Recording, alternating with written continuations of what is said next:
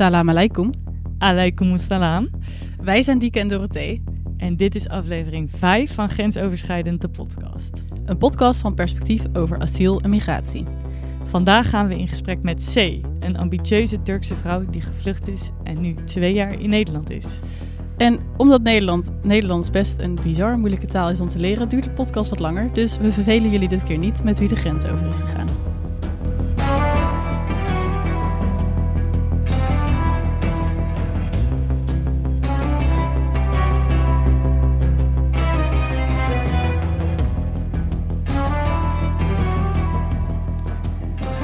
Hallo, leuk dat jullie weer luisteren naar Grensoverschrijdend, de migratiepodcast van Perspectief. Ja, welkom. Vandaag hebben we een hele speciale gast, C. En daar gaan we jullie zo wat meer over vertellen. C, we noemen je C omdat je liever je naam niet wilt vertellen. Uh, misschien kun je zelf ook uitleggen waarom. Maar van harte welkom. Wie ben je? Hallo, ik ben C. Uh, ik wil mijn naam niet delen, want uh, het is niet zo dat we hier zijn aangekomen en dan alle, al onze problemen zijn opgelost. Ik voel me niet altijd veilig in Nederland. Ik kom uit Turkije en uh, Turkije heeft veel armen, ook in Nederland. Uh, daardoor wil ik graag mijn naam niet delen. Nee. En dat is ook helemaal oké. Okay. Super fijn dat je hier vandaag bent. C, wij moeten er nog een beetje aan wennen. Ja. Um, wil je wat meer vertellen over jezelf? Want je komt uit Turkije. Je bent nu ongeveer twee jaar in Nederland. Um, vertel, wie ben je? Uh, allereerst moet ik dat zeggen. Uh, Turkije is geen goedkoop vakantieland. uh, daar worden er veel mensen vermoord elke dag hm. door de politie, door de soldaten, door de stad. En uh, mensen uh, vechten voor hun rechten.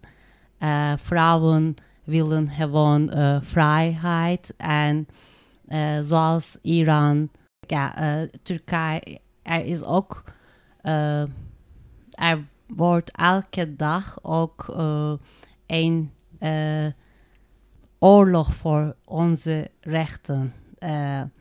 we doen dat uh, moest ik vluchten. Uh, omdat ik een activist was in Turkije, vooral over mensenrechten uh, bij mensenrechtenorganisaties. En mm, al, toen ik een kind was, werd ik een activist. we moeten eerder opgroeien we hebben geen kans uh, om gewoon een kind te blijven. Omdat als een vrouw, wat kan ik aandoen? eigenlijk, wat kan ik dragen? Of waar kan ik, waarop kan ik lachen? Of hoe kan ik lachen? de regering van Erdogan uh, wil alles beslissen. Daardoor moest ik eerder opgroeien en ik wil gewoon mijn eigen leven mm, houden, mijn rechten hebben. En uiteindelijk uh, ben ik bijna één jaar in de gevangenis blijven. En ik heb veel keer mm, opgepakt uh, door de politie van mij, vanwege mijn tweets, mijn posten op Twitter, op Facebook. En ik werkte als vrijwilligersjournalist. Toen uh, probeerde ik altijd mijn microfoon aan gewone mensen ja, te geven te geven. Ja, te interviewen. Ja, te interviewen. Hmm. Want uh, politicus hebben altijd, uh, politicus uh, vanuit de regering hebben altijd super brede ideeën in hun eigen bubbeltje. Eh, de, eh, daardoor wil ik ook jullie eh, bedanken voor deze podcastserie. Hmm. Ja, dankjewel. Want ehm, jij bent eigenlijk een activist echt in hart en nieren. Je hebt heel veel demonstraties eh, gedaan in Turkije. We hebben net ook wat eh, gedeeld over ervaringen met demonstraties. Ehm, want ja, de een heeft daar wat meer ervaring mee dan de ander, maar jij dus ook in Turkije. Ehm, wat was het moment waarop je dacht, ik wil strijden voor mensenrechten? Of voor vrouwenrechten? Ik ben een vrouw, ik ben, een, ik ben half Turks en half Kurdisch. En eh, op een dag was ik in de bus. Ik was 13, 12 of 13 jaar Mhm. oud. En eh, ik nam de bus eh, in het centrum van mijn geboortestad. En het is wel toeristische stad. En er waren veel mensen die in het Engels praten. En iedereen eh, eh, probeerde, probeerde gewoon een glimlach te geven of gewoon lachen. Heel aardig te zijn. En dan eh, ze zijn uitgestapt. En eh, daarna eh mm, stapten twee eh, arbeiders in. En ze praten in het Kurdisch. We waren niet meer in het centrum. We waren meer in In de Ja. buitenwijk. ja, buitenwijk. En ze praten in het, in het Kurdisch, Kurmantje. En eh, de andere eh, reizigers beg- begonnen te zeggen, oh, ze zijn terrorist of iets. Maar in Turkije is het eh, een van de talen die wordt praat, gepraat. Hm. En Engels is eigenlijk een buitenlandse taal. Hm. Dat vind ik. eh, Maar dat, vond, dat vonden ze dus... Engels vonden ze dus normaler in de bus dan Koerdisch. Ja, De Turkse mensen in de Ja. bus. Hm. en eh, dat, mm, daarover had ik veel gedacht. Ehm, ik ben ook half Kurdisch, maar ik ben eh, opgegroeid met meestal Turkse cultuur. En ik ken niet mijn eigen cultuur eigenlijk. Als ik eerlijk moet zeggen, ken ik ook niet mijn eigen cultuur. Een van mijn eigen cultuur. Eh, maar dat vond ik echt stom ook. Hè? Eh, ja, die, deze taal eh, komt uit je eigen land. En Engels, Turkije. Ja, dus dat maakt me meer politiek. En daarna heb ik gewoon één vraag gesteld mezelf. Waarom? Als je deze vraag stelt, dan begin je gewoon te denken. eh, waarom wordt het verboden? Waarom eh, willen ze geen vluchteling in ons land? De- Denkt maar. En daarna, eh, eh, op die tijd was er veel onvrouwenvriendelijke politiek eh, door de Erdogan, eh, door de regering. En dat maakt me meer politiek. Hm. En dan ik, ik ben een activist geworden. Ja, dus je bent eigenlijk al best wel heel erg jong, eh, is je hart gaan branden voor ja, rechtvaardigheid eigenlijk. Ik denk dat je dat wel kan, kan zeggen. Ja, en toen, nou ja, toen moest je op een gegeven moment besluiten te vluchten. Wa- hoe, hoe ontstond dat of wat gebeurde er? Mm. Eh, nadat ik van de gevangenis eh, had vrijgelaten, eh, mm, studeerde ik mijn opleiding, maar elke dag was er één politie bij mijn thuis. Of, eh, mm, het was niet zo makkelijk om gewoon te leven, om één student te worden of om één mens te worden. eh, gewoon leven. Ja, want je, studie- je studeerde rechten op dat moment, toch? Je studeerde rechten op dat moment, toch? Nee, eh, ik studeerde rechten, maar mm, daarna eh, heb ik gearresteerd.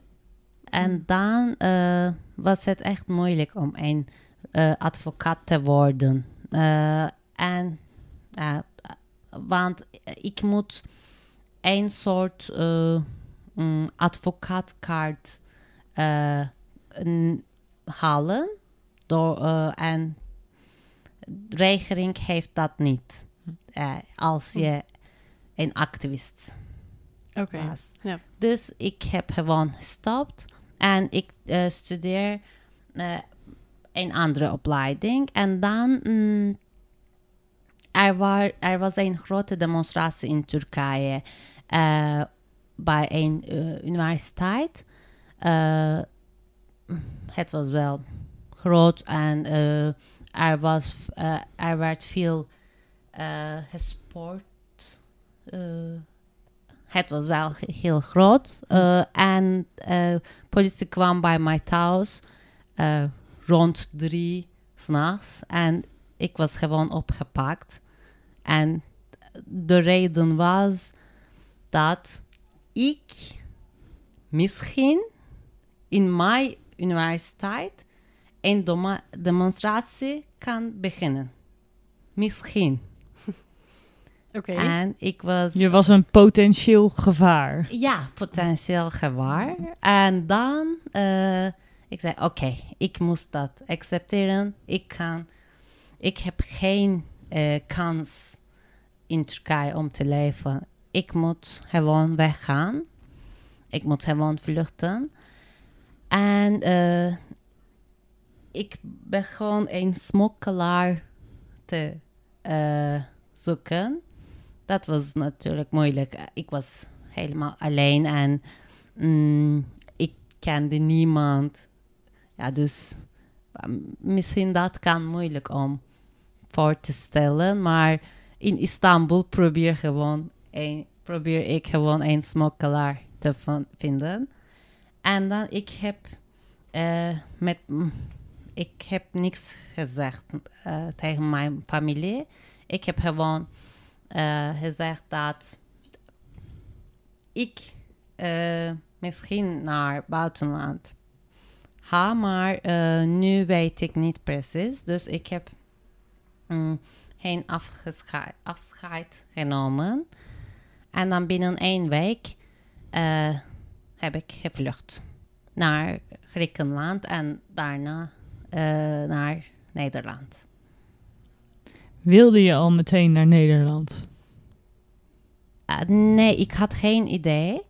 Uh, omdat uh, ik niks wist eigenlijk. Uh, ik, ik ging eerst naar Griekenland en dan... Oké, okay, nu kan ik gewoon nadenken. Dus ik, vroeger dacht ik nooit over Europa om te vluchten binnen één week. Hm. Dus binnen één week was het eigenlijk zo onveilig voor je en dat je dacht, ik heb geen toekomst hier, dus ik moet nu gaan. Het was altijd onveilig, maar ik wilde dat niet doen. Mm. Maar uiteindelijk moest ik gewoon ja. accepteren. Ja. Ja. Ik had hoop. Misschien dat kan veranderen. Misschien kunnen we iets doen. In Turkije. In Turkije ja. kunnen we iets veranderen. We hebben, ja, ik, uh, mensen die zoals ik, uh, we hebben veel geprobeerd. Maar mm, dat is niet. Uh, dat is niet altijd mogelijk als uh, niemand uh, wil je zien. Dat is niet altijd mogelijk als iedereen kijkt naar je land als een goedkoop vakantieland. Hm. Hm. Ja. Dus. ja, dankjewel in ieder geval over voor dit allemaal te vertellen. En we willen doorgaan met eigenlijk toen je in Nederland verder aankwam, ehm, hoe dat allemaal is gegaan. Ehm, ja, want je komt dan aan, dan moet je denk ik naar Ter Apel. Wat gebeurt er dan? Uh, in Ter Apel uh, heb ik mm, 40 dagen gebleven. Was het moeilijkste part. uh, binnen zes maanden heb ik mijn uh, verblijfsvergunning gekregen. Uh, ik had geluk. ik had geluk, want ik, uit Turkije kwam ik met mijn huidige ID, paspoort. ja, dat is anders dan een vluchteling die uit Syrië kwam of anders dan een Palestinian vluchteling. Ze hebben veel moeite. Ja, Want ze hebben geen geldige documenten. Ja, ja. dus uh, uh, ik had geluk. Ik kan niks zeggen over mijn positie. Ja, ze hebben veel moeite en dat is altijd moeilijk voor hun om hun identiteit te bewijzen. Hm. Ja, hm. dat vond ik, dat vind ik te moeilijk, te zwaar en je hebt onbepaald. Ja, je bent onbepaald, stateless. Ja, dus ja. ik had geluk. Ja, je vertelde ook dat die 40 dagen in, uh, ter Apel het moeilijkst waren. Um, ik heb een hele brutale vraag. Wat was daar uh, zo moeilijk aan? Um, het, is, het was echt druk. Mm. Mm. Niet zoals nu, maar nu is het helemaal mm vreselijk. Maar uh, dat was. Dat was eigenlijk te druk. En uh, echt grote azissen. er is geen ehm, veilige plek voor een vrouw. vooral. Ik heb dat ervaren, dat kan ik zeggen. Als een vrouwelijke vluchteling was het echt moeilijk om therapie te blijven. Mm, veel mannen. En ook, uh, het is echt, uh, er is geen uh, dicht, mm, er is geen winkels of iets.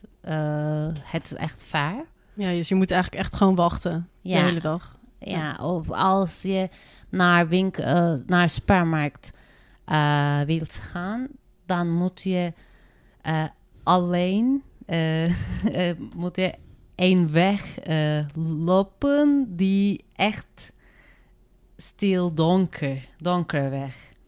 En ja, dat was, dat maakte heel moeilijk. Ja, dat is, wij zijn daar met het tentprotest geweest, maar dat is zo'n provinciale weg waar in de middle of nowhere tussen de weilanden, die dan naar Ter Apel loopt. Dus ik kan confirmeren dat dat wel eng is. ja. ja. het is niet... spreekt... Uh, sorry. Nee, ik wilde zeggen, het is niet echt een gezellige buurt of zo. Nee, en uh, je hebt geen idee over één Nederlandse woord. Hm. Je kent die taal hm. niet. Hm. Of uh, het is wat iets geschreven, maar ik heb geen idee wat ze zeggen. Hm. welke kant moet ik gaan? Of in het begin had ik geen simkaart, geen telefoon of iets, dan helemaal alleen en geen idee. Ja. Waar ben ik? Ja. ja. dus je bent alleen in een vreemd land ja. waar je niemand kent. Je hebt geen vrienden, geen familie, misschien ook geen contact met, met vrienden en familie. En dan zit je in een super witte, stomme kamer in Ter Apel. Ja. Dus Ter Apel was echt moeilijk, ja. En dan op een gegeven moment wordt er gezegd tegen je: je bent, je mag Nederland in? Of moest je toen nog eerst wat anders doen? Uh, na 40 dagen ging ik naar een andere, ben ik getransfereerd naar een andere AZC. Mm En mm, dat was een kleine, rustige AZC uh, in Wageningen. Dat was echt een uh, grote kans. Uh, ja, dat was echt een grote kans voor mij. Want um, een, rust, eh, een kleine AZC betekent eh, meer contact mm, met eh, lokale mensen. Hm. Eh, meer rust en meer activiteit met andere mensen. Eh, dus eh, ja, dat was een grote kans. Maar binnen zeven maanden mm, ben ik vier verschillende AZC, ja, heb ik veel verschillende AZC gezien. Ja. En hoe, Ja, binnen één jaar eh, meer dan, ja, vijf keer eh, ben ik vergast. Oké, en Dus het begon bij Ter Apel. Toen ben je naar Wageningen gegaan. Wageningen, Arnhem, eh Hogeveen, bij verschillende eh heb Wa- ik gewoond. Waarom, waarom? gebeurde dat? Eh, dit is ook een politie. Eh, dit is een grote negatieve eh, kant van uh, uh, vluchtelingproces, asielproces. Eh, we zijn gewoon getransfereerd. Ja, dus je wordt geen reden gegeven. Geen reden, Hm. niks. Dit is je, eh, eh, je wacht. eh, de- bij deze AZC wacht je op je IND in, eh, afspraak. Bij deze AZC wacht je op je BSN-nummer. Bij deze AZC. Wat, waarom? Hm. Maar waarom? Hm. Uh, dit is een groot probleem. En dan, uh, wat is er gebeurd? Ik had een paar contact uh, in Wageningen. Ik begon uh, rustig te voelen en dan, ik ben getransfereerd. Hm. En dan, en dan. Dus tot ik met een Nederlandse familie begon te wonen, uh, had ik geen uh, gevoel. Uh, waar ben ik? Of ga ik een, een plek gewoon om te wonen? Hm. Ja, dus dat was echt een groot, pro groot probleem. En op die tijd, uh, wat heb ik meegemaakt? Uh, er is geen algemene regel of algemene houding. Je proces is afhankelijk van je co-medewerker. Of je proces is afhankelijk van je... Uh, bij, in welk AZC woon jij? Hmm. Bij welke gemeente wil jij iets... probeer jij iets doen? Uh, bijvoorbeeld om ik wil me aanmelden voor BSN-nummer of iets, want het is regel. Ik kan binnen zes maanden BSN-nummer krijgen. Maar... En dat heb je nodig om te werken, om alles. een bankrekening te krijgen. Echt voor alles. Voor alle regeltjes in Ja, Nederland. voor alle regeltjes Heel nodig heb je ja. BSN-nummer nodig. Ja. Toen ik in uh, Nederland kwam, uh, was het coronatijd. Nog steeds coronatijd. En ik had corona, maar ik had geen BSN-nummer. En ik had geen afspraak. Dan kon je niet laten testen. Nee, Nee. niks. Geen test, geen uh, we- uh, vaccinatie. Ja, vaccinatie. Vaccinatie. Ja. Uh, geen vaccinatie. Of uh, geen... Niks. Geen... Uh, paracetamol. nee. Hm. Uh, ik kan bij Albertijn uh, kopen, maar... Uh, Als je iets ergere medicijnen nodig hebt. Ja, je hebt eh, voor statushouders een bepaald... Of als je in een AZC woont, heb je, bepa- je hebt eigenlijk aparte ehm, zorg ja, dat je geen- krijgt. Ik ging daar en ze eh, zeiden me dat, oké, bel de- dit nummer en eh, maak een afspraak. En dan ik zei, oké, maar ik heb geen PSN-nummer, daardoor kon ik niks, geen afspraak maken. En dan ze zeggen, nee, nee, je kunt wel. Er, is een- andere optie. Oké, ik, ik kan dat in het Engels. Oké, maar voor een andere vluchteling. En ook, er was geen andere optie. ik kon geen eh, coronatest maken. Dus het heeft zoveel gevolgen als je een BSN, zeker in coronatijd, als je geen BSN-nummer hebt. Of Ja. bijvoorbeeld eh, eh, bij eh, mm, hele automaat eh, Mhm. voor mijn uh, OV-chipkaart Ah, ja. moet ik een bankrekening hebben eh, om geld, om saldo, Erop te zetten. Ja. om saldo te, op te zetten. Ah, Wat? ja. of op te laden. Ja. Ah, ja. Eh, voor mijn OV-chipkaart heb ik een bankrekening rekening nodig om saldo op te laden.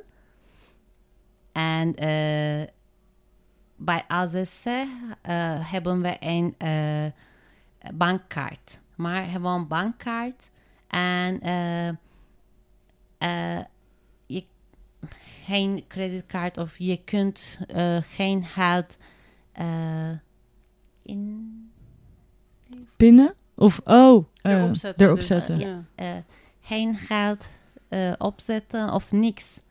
Dus gewoon, eh, ja, je, kunt, je hebt geld misschien, maar je kunt niks opzetten of je kunt niks doen. Ah, ja. Als ik mijn geld uithaal, Mhm. Eh, maar dan, eh, daarna had ik dat niet nodig. Ik wil gewoon eh, storten. Dan kan ik, dat, kan ik dat niet doen. D- dat klinkt misschien te klein, echt klein, niks misschien. Maar er zijn veel plekken die je kunt alleen pinnen. Pinnen, ja.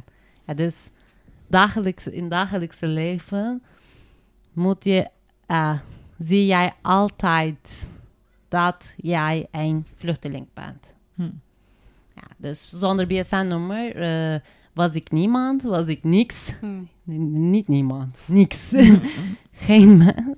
Hm. Daarna had ik mijn BSN-nummer eh, gekregen. En op dit moment had ik recht om te wonen. En toen heb je toen een huisje toegekregen, toegewezen gekregen, of hoe ging dat? Eh, dus eh, op een gegeven moment ehm, ben je statushouder in Nederland en dan kun je dus echt gaan functioneren in de Nederlandse maatschappij, om het maar zo te zeggen. Eh, hoe ging dat? Kreeg je een plekje toegewezen? Moest je zelf op zoek gaan? Je woonde bij een Nederlandse familie, zei je. Ehm, eh, nadat ik mijn verblijfsvergunning had gekregen, eh, was ik nog een keer getransfereerd. Eh, dat was mijn moeilijkste ervaring bij een AZC. Dat was in Hogeveen. Eh, het is eh overvolle AZC. En ehm, ik kon mm, bij ik wilde nooit buiten gaan of iets, want het mm, rond van de AZC was helemaal donker. Er is geen licht of iets bijvoorbeeld. En er zaten altijd veel mannen met hun check. Eh, er was geen ruimte voor vrouwen. Dan eh, begon ik. mm, daarna eh, heb ik iets gehoord eh, over Take Care B&B. Ik heb me aangemeld en ik vond... eh, ik ben gematcht met een Nederlandse familie. En eh, Ja, want Take Care B&B is een soort organisatie die ervoor zorgt dat statushouders worden gematcht aan Nederlandse gezinnen of Nederlandse mensen die nog ruimte over hebben in hun huis. En daarna eh, heb ik een ruimte in Nederland. Gelukkig. Dat was eh, een bijzondere ervaring. Ik had geluk. En eh, op dit moment eh, wilde ik meteen eh, de taal leren. Mm, Maar mm, er was een probleem met mijn duolening. Dan ik moest eh, gewoon wachten voor één bericht van Duo. Eerste bericht was dat het geschreven dat oh het spijt me er is één probleem en eh, over ze- zeven maanden heb ik tweede bericht ontvangen. En het is geschreven, oké, je kunt, eh, u kunt met eh, uw taalkursus beginnen. Oké, voor zeven, zeven maanden voor dit bericht, ja. Dat was een grote teleurgesteld. Mm, heb- Oh, ja. Dus je moet, je moest best wel heel lang wachten voordat je echt aan de slag kon met je Nederlandse taal. Ja, en taal is alles uiteindelijk. Ja. Dus eh, dat was moeilijk. Ja, je woonde toen dus al bij het Nederlandse gezin, die jou Ja. helemaal had opgenomen. Dat was denk ik heel fijn. Ja. Dat vul ik even in. Ehm, toen ging je studeren, als Nederlands studeren. En wat gebeurde er toen? Eh, ik mm, begon met een Nederlandse cursus vorig jaar. Eh, ja, vorig jaar oktober begon ik met een Nederlandse cursus. Ah. Dus je, je praat nu een jaar Nederlands. ja, één jaar. En je praat...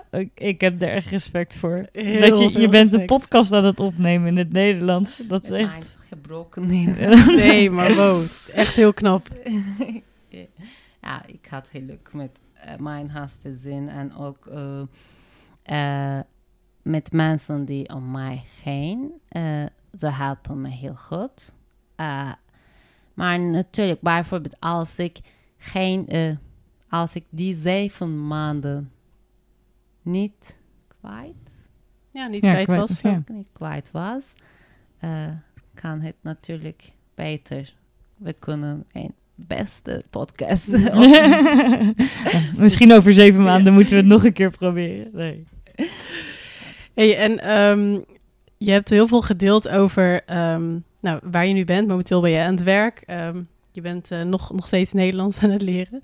Ehm, hoe zie jij het, eh, het asielsysteem in Nederland? Eh, je hebt al wat gedeeld over het AZC, hoe dat voor je was. Ehm, hoe kijk je nu bijvoorbeeld aan ehm, tegen de situatie in Ter Apel? Terapel is helemaal vreselijk. Vres, Vreselijk. vreselijk. Ter, Terapel is helemaal vreselijk. En mm, er zijn een paar positieve kant. Eh, er is natuurlijk een positieve kant over het Nederlandse asielsysteem. Eh, maar mm, als we over Terapel praten, kan ik niks zeggen. alleen vreselijk.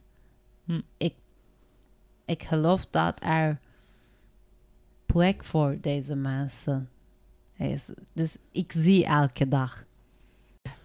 Ja, wat, wat is nu, als je nu dit allemaal hebt verteld en als je dit zelf hebt meegemaakt, hoe zou je dan op het Nederlandse asielsysteem kijken? Ben je daar dan positief over of negatief? Of misschien wel allebei. Of allebei tegelijk? Ja. Eh, ik wil niet helemaal negatief denken, want eh, er, er zijn ook een paar positieve. eh, ik heb ook een paar positieve ervaringen meegemaakt. Eh, bijvoorbeeld eh wordt advocaatkosten eh vergoeding. Mhm. ja, wordt, eh, bijvoorbeeld wordt vergoeding door de overheid. Dat vond ik heel belangrijk, want in een andere taal, in een ander land, is het echt ingewikkeld om alle rechten, je, je eigen rechten te begrijpen. Eh, dat vind ik echt belangrijk en heel goed. En eh, ik heb mijn mm, en mijn BSN-nummer binnen zes maanden gekregen. Dat was een bijzondere goede ervaring, want eh, natuurlijk wil ik nooit wachten. Je kunt eigenlijk binnen één dag. Eh, het kan natuurlijk binnen op één dag beslissen misschien, maar in deze eeuw, in dit systeem moeten we wachten. Dan zes maanden vind ik. Ik kan zeggen oké, maar ik begrijp één ding niet. Ik begrijp dat niet. Eh, waarom moeten we wachten om te werken? Eh, omdat we een andere ervaring hebben gezien voor Oekraïnse uh, vluchtelingen. Dat vind ik helemaal goed. Ze hoeven niet, ze uh, hoeven niet wachten om te werken. Uh, want werken, het werken betekent ook om iets te produceren. Niet hm. alleen voor Nederland heeft ook moeite om, een, om arbeiders te vinden. Ik ja, dat is een ander verhaal. Maar uh, als je werkt, dan voel je je meer... Ja, nuttiger. Nuttiger ja. en ook uh, beter. Je hoeft niet uh, hele week werken, maar ook gewoon één dag, twee dagen of iets vrijwilligers. dat maakt heel... als je wilt, natuurlijk. want veel mensen komen hier met hun trauma's. Hm. Ik moest ook uh, verwerken. Ik had ook tijd nodig. Maar op die tijd willen sommige mensen werken, studeren of iets. Dat kan ook goed voor je trauma's. Hm. Je kan niet uh, voorstellen om een rivier met een boot te uh, overstappen. Ik kan dat niet vertellen. Je hm. moet gewoon uh, ervaren. Hm. Uh, mijn woorden, ook in mijn eigen taal, zijn niet genoeg om alles te, om te schrijven. En dit is een trauma. En wat heb je in je eigen land uh, meegemaakt. Dit is een andere trauma. Wat heb je in Nederland meegemaakt als een vluchteling? Dit is een andere trauma. Uh, dus hebben, um, praten we over complex trauma. Hm. Dit is een andere nieuwe term in ja. psychologie. Omdat je dus meerdere trauma's meer maakt in je thuisland, op de vlucht, in Nederland. Dan wordt dat dus een complex trauma genoemd. Ja. Uh, en iedereen heeft uh, veel identiteit eigenlijk. Mm, je nationaliteit, je taal, je geslacht, je leeftijd. En als je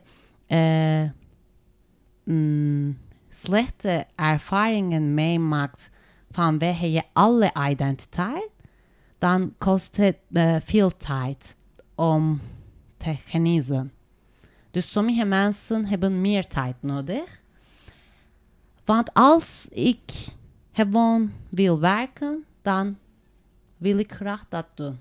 Ja, Waarom dat... moet ik wachten? Dat vind ik echt onzin. ja, misschien dat kan je zeggen. Ja. Want hoe, hoe ging dat dan? Want je moest wachten op een BSN-nummer voordat je kon gaan werken. Ja. En mag je dan meteen werken?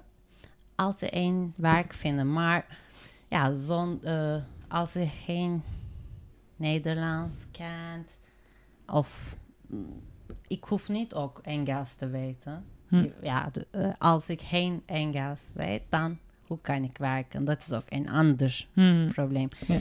Daar wil ik ook uh, over uh, duolening taalsysteem praten. Dus dit is nog een keer veranderd. Uh, in het begin, uh, nee, nee, niet nieuw, maar af, vol, vol, vorig jaar is het veranderd. nu beslis gemeente welke cursus ga je doen. Welke ah, taalkursus? Welke taalkursus. Hm. Je mag niet meer zelf kiezen waar je dat gaat doen, nee. bedoel je? Ja. ja. En dan nog een keer uh, is je proces afhankelijk van je gemeente. En ik heb veel slechte uh, voorbeelden gezien.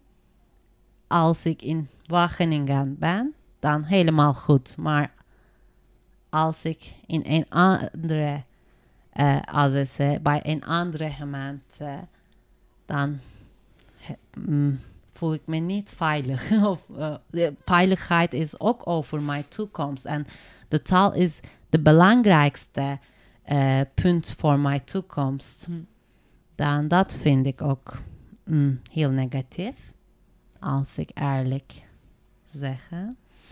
En mm, eh, grote, echt drukke AZC's zijn altijd een probleem. En vooral voor ons, voor vrouwelijke LGBT plus eh, vluchtelingen, echt grote probleem. En ook voor, natuurlijk voor mannen, maar ik heb dat ervaren, daar wil ik graag praten.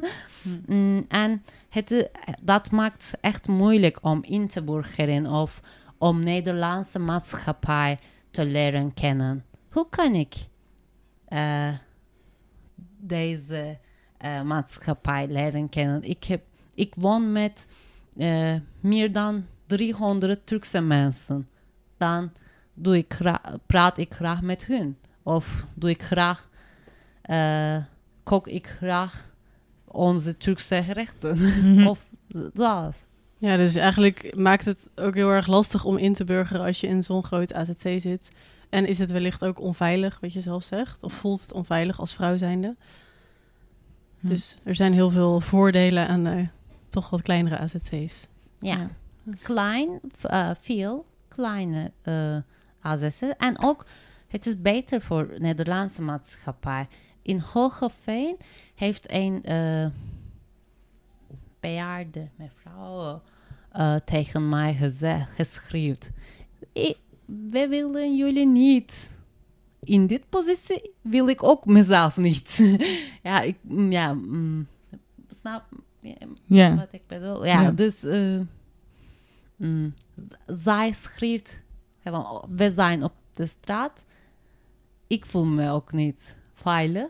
En ze zei, zij zei, oké, ik wil je niet, jullie niet hier. Ja, dus je zegt eigenlijk van Nederlanders willen misschien niet hele grote AZC's, maar dat willen we zelf ook niet. Ja, Ja, en dat is misschien wel meteen een, ehm, een ding wat we dus willen meegeven, of wat jij wil meegeven aan, aan het, de Nederlandse politiek. Ehm, zou dit dan het, het belangrijkste zijn wat je zou zeggen? ja kleine AZC vind ik heel belangrijk. Eh, maar ook, eh, wat wil ik toevoegen? Mm, Nederlandse onderwijssysteem, Nederlandse eh, arbeidsmarkt, eh, die zijn, mm, we zijn niet bekend. Mm, en ik moet alles, ik moet alles, no, nog steeds, ik moet alles ontdekken nadat ik mijn eigen ruimte heb gekregen. Je eigen woonruimte. Ja, Ja. ik ma- mijn eigen woningruimte gekregen. Eh, en dat kost ook tijd. En heel veel energie, lijkt Heel me. veel energie. En mm, dan wil ik gewoon thuis blijven. Niks doen. Als ik die soort dingen mm, bij AZC zou leren, zou ik mm, snel eh, in eh, mijn leven op te bouwen. Hm. Ja, opbouwen. Ja, dus als je wat, wat meer eh, wordt verteld over Nederlandse cultuur of hoe wij bepaalde dingen hier aanpakken, dan kun je wat sneller inmengen in de Nederlandse cultuur. Ja, ja, ja, ja, ja. En ook het Nederlandse onderwijssysteem. Ik wist niet wat het verschil tussen eh, HBO en universiteit is. Hm. Ik wist dat niet, natuurlijk. Ja. Ja, oh, en eh, eh, mm, er is een stichting die heet UAF. eh, mm, voor vluchtelingen, studenten. Dit is bijzonder, supergoed. Ik heb ook een trajectbegeleider en zij helpt me heel goed. Maar eh, er zijn veel vluchtelingen en eh, dat kost ook tijd. Ik heb me ingeschreven en dan moest ik daar ook heel lang wachten, helaas. Hm. Eh, die soort stichtingen of bijvoorbeeld bij AZC kunnen we één, gewoon één training over Nederlandse onderwijssysteem of ne- over Nederlandse arbeidsmarkt. Is dat echt moeilijk? We hebben veel KNM Nederland, eh, kennis, nee, kennis van Nederlandse, maatschappij. Ja. We hebben veel training gedaan. Oh, Nederlanders wil graag. mm, Nederlanders vinden het niet zo leuk als je rond zes uur gaan. Oh, nee, ik ken veel Nederlanders. eh, ze vinden helemaal normaal. Oké. Of, eh, dat, dat is niet zo belangrijk. Ik kan dat ervaren. Om zes uur ga ik naar hun huis en dan ze zeggen: Oké, oké, we vinden dat niet zo leuk. En dan, oké, ik zeg: Oké, maakt niet uit. Maar Nederlands on- onderwijssysteem is belangrijker dan eh, hun eten. Eh, etenstijd. gewoon- Ja, etenstijd, ja. Ik heb dus ook wel eens gehoord dat je bij die cursus gaat leren hoe dat bordje in de supermarkt heet die je op de rolbank legt, zeg maar. Ik weet niet eens hoe die woorden uitspreekt. Dat is dus een om en om Beurtbalkje. beurtbalkje. You know Of, it. of om en om eh, balkje, heb Oh ik ja, ook wel eens gehoord. Oh. Maar iemand vertelde dat tegen mij, een eh, statushouder, en ik zat echt zo, ja, geen idee. Je wist het zelf niet Misschien moet ik die Nederlandse cursus ook gaan doen. Nee. Ja, ja. Maar dat is wel, ehm, misschien is dat wel een goede om mee af te sluiten. Dat hoorde ik vandaag ook weer in het debat over de spreidingswet. De afgelopen negen jaar is er ongeveer 75% van de mensen die asiel aan hebben gevraagd, mocht blijven in Nederland. Dan heb je het over driekwart van de mensen. En het is zo, dat is het veruit, het veruit het grootste deel wat hier komt. Dus het is zo belangrijk om dit soort dingen goed aan te leren, ook al in een AZC. Ehm, zeker omdat er nu ook veel mensen in het AZC verblijven die eigenlijk al een huis zouden mogen krijgen, maar dat gewoon niet krijgen omdat er geen woonruimte is. We moeten ze echt meenemen in de Nederlandse maatschappij. En nou de verhalen van C, die zijn duidelijk. Het is gewoon heel goed om mensen op een vaste plek, niet de hele tijd door heel het land te laten verplaatsen, maar op één vaste plek eh, in een kleinschalig AZC het liefst te laten integreren. Want dat is voor zowel de vluchteling als de mensen in Nederland het beste. En ehm, nou ja, dat, dat wordt denk ik onze grote boodschap van deze aflevering. Ja, neem gewoon mensen lekker mee op sleeptouw. Ja, En ehm, misschien ook goed om eh, eerlijk in je agenda kijk, te kijken en eh, in je huis. Wellicht heb je, vind je nog ergens een plekje. Of moet je een plekje maken, dat zou ook eh, kunnen. En heb je nog tijd voor wat vrijwilligerswerk? precies. Want dat is echt hoog nodig. C, echt heel erg bedankt voor dat je hier was. En we hebben echt, nou ja, genoten is misschien een gek woord, maar dank voor al het delen van je verhalen. Ja, en ook van je wijsheid. Want ehm, jij bent, wij kunnen heel veel praten over deze systemen en processen, maar jij bent er helemaal doorheen gegaan. En eh, je weet volgens mij heel goed te vertellen waar de pijnpunten zitten. Dus dank je wel daarvoor.